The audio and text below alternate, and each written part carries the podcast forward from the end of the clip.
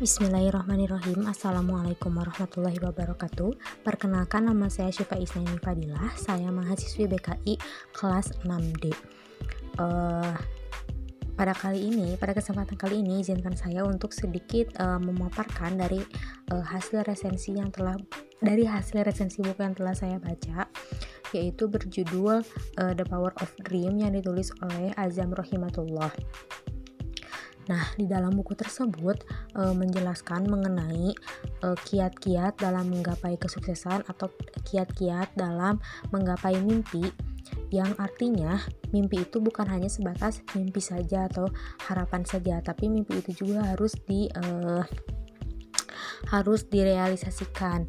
Nah, cara merealisasikannya juga bukan berarti e, langsung saja pada tahap contoh saya ingin menjadi guru, bukan berarti saya hmm, langsung mengajar kepada anak-anak tidak seperti itu.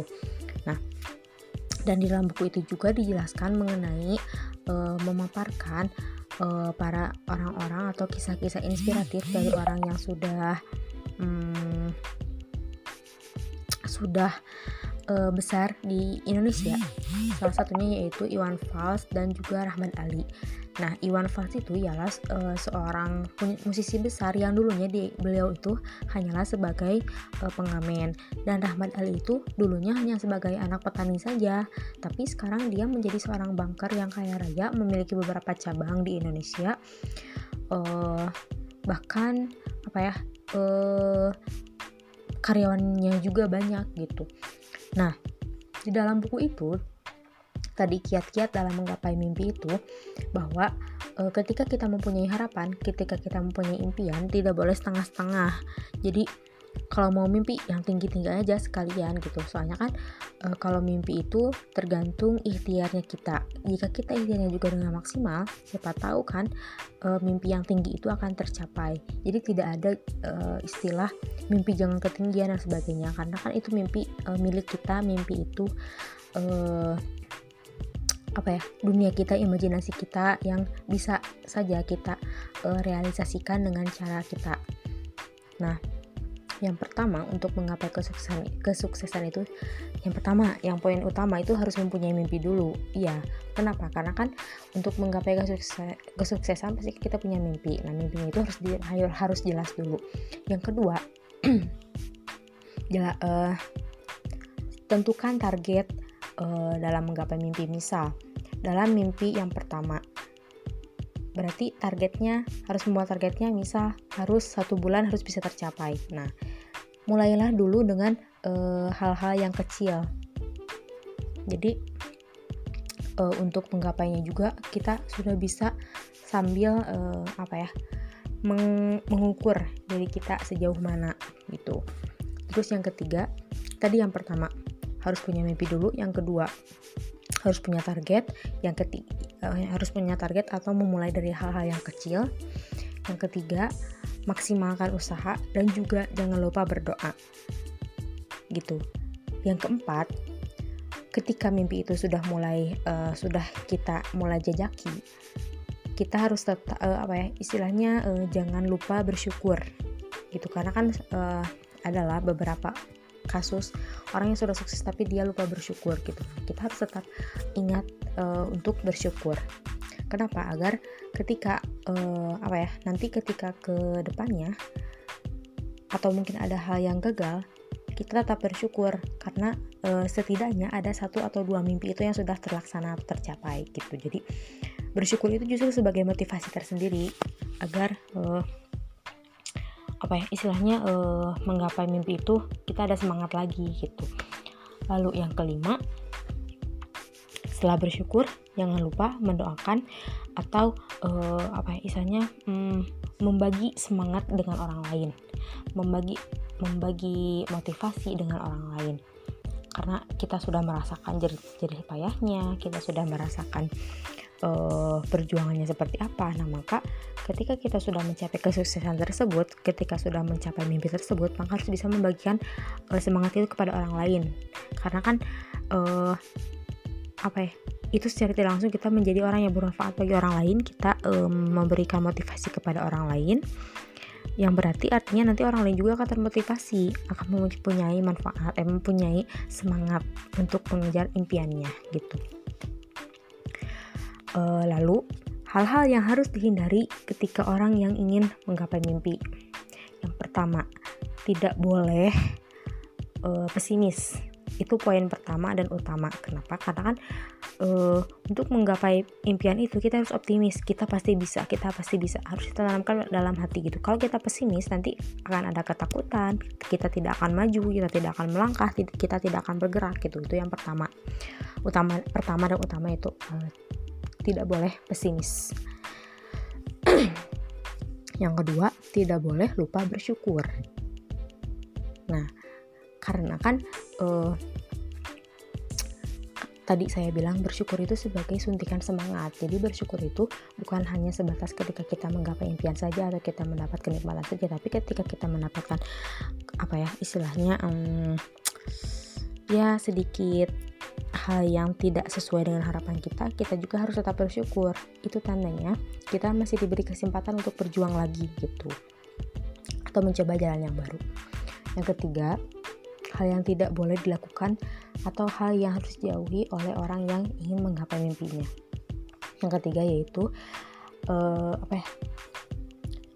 Jangan menunda-nunda. Jangan membuang-buang waktu. Karena satu detik pun itu akan sangat berharga. Contoh, misal saya ingin menjadi seorang dosen, tapi saya leha-leha. Saya uh, sukanya justru malah nonton aja. Saya nggak baca, saya nggak mereview. Nah itu kan uh, membuang-buang waktu ya. Meskipun kita memang butuh waktu refresh kita memang butuh waktu istirahat. Tapi uh, harus disesuaikan gitu antara istirahat dengan uh, ikhtiar kita agar balance lah kedua-duanya. Yang keempat tidak me, apa ya tidak selalu membandingkan dengan orang yang uh, apa ya istilahnya dengan orang yang suksesnya itu dengan cepat karena kan uh, setiap proses setiap orang itu berbeda-beda. Nah jadi kita harus uh, optimis dengan usaha kita. Kita harus percaya dengan usaha kita. Intinya kita harus percaya dengan diri kita gitu. Yang kelima kita harus uh, apa ya yang harus sejauh itu kita tidak boleh uh, apa ya istilahnya uh, terlalu um,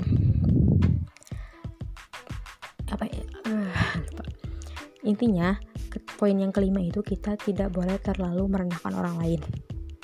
Karena kan uh, apa ya kalau kita merendahkan orang lain nantinya kita terlalu kepedean kita menganggap diri kita sudah oke okay, padahal justru kita belum belum bergerak sama sekali gitu. Itu uh, beberapa kiat-kiat atau uh, halang atau kan uh, hal-hal yang harus dijauhi oleh orang yang ingin menggapai mimpinya. Lalu di buku itu juga dijelaskan mengenai beberapa sahabat Rasulullah yang uh, beliau itu orang yang uh, selain sukses di, di kehidupannya, beliau juga sukses di dunia bisnis seperti Umar bin Khattab, lalu uh, Abu Bakar Ashidik gitu. Itu kisah-kisah uh, Umar yang dia beliau itu sebagai saudagar yang kaya. Dia me, apa ya menginfakkan seluruh hartanya untuk di jalan Allah untuk orang-orang yang lemah orang-orang yang fakir miskin gitu.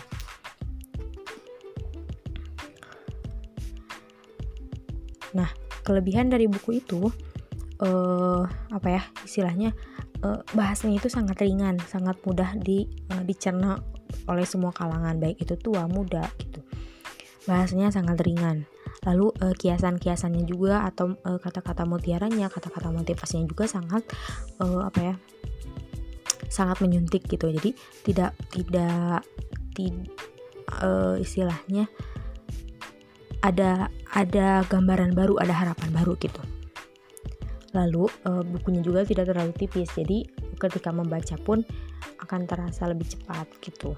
Nah, kalau kekurangannya uh, menurut saya itu terlalu menghamburkan kata. Jadi ada beberapa kata yang diulang-ulang, ada beberapa makna yang diulang-ulang, ada beberapa kiasan-kiasan yang diulang-ulang gitu.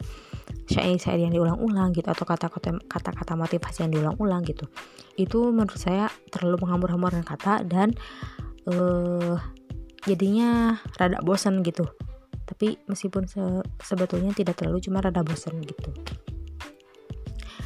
uh, harga buku itu kisaran 35 sampai 45 ribu.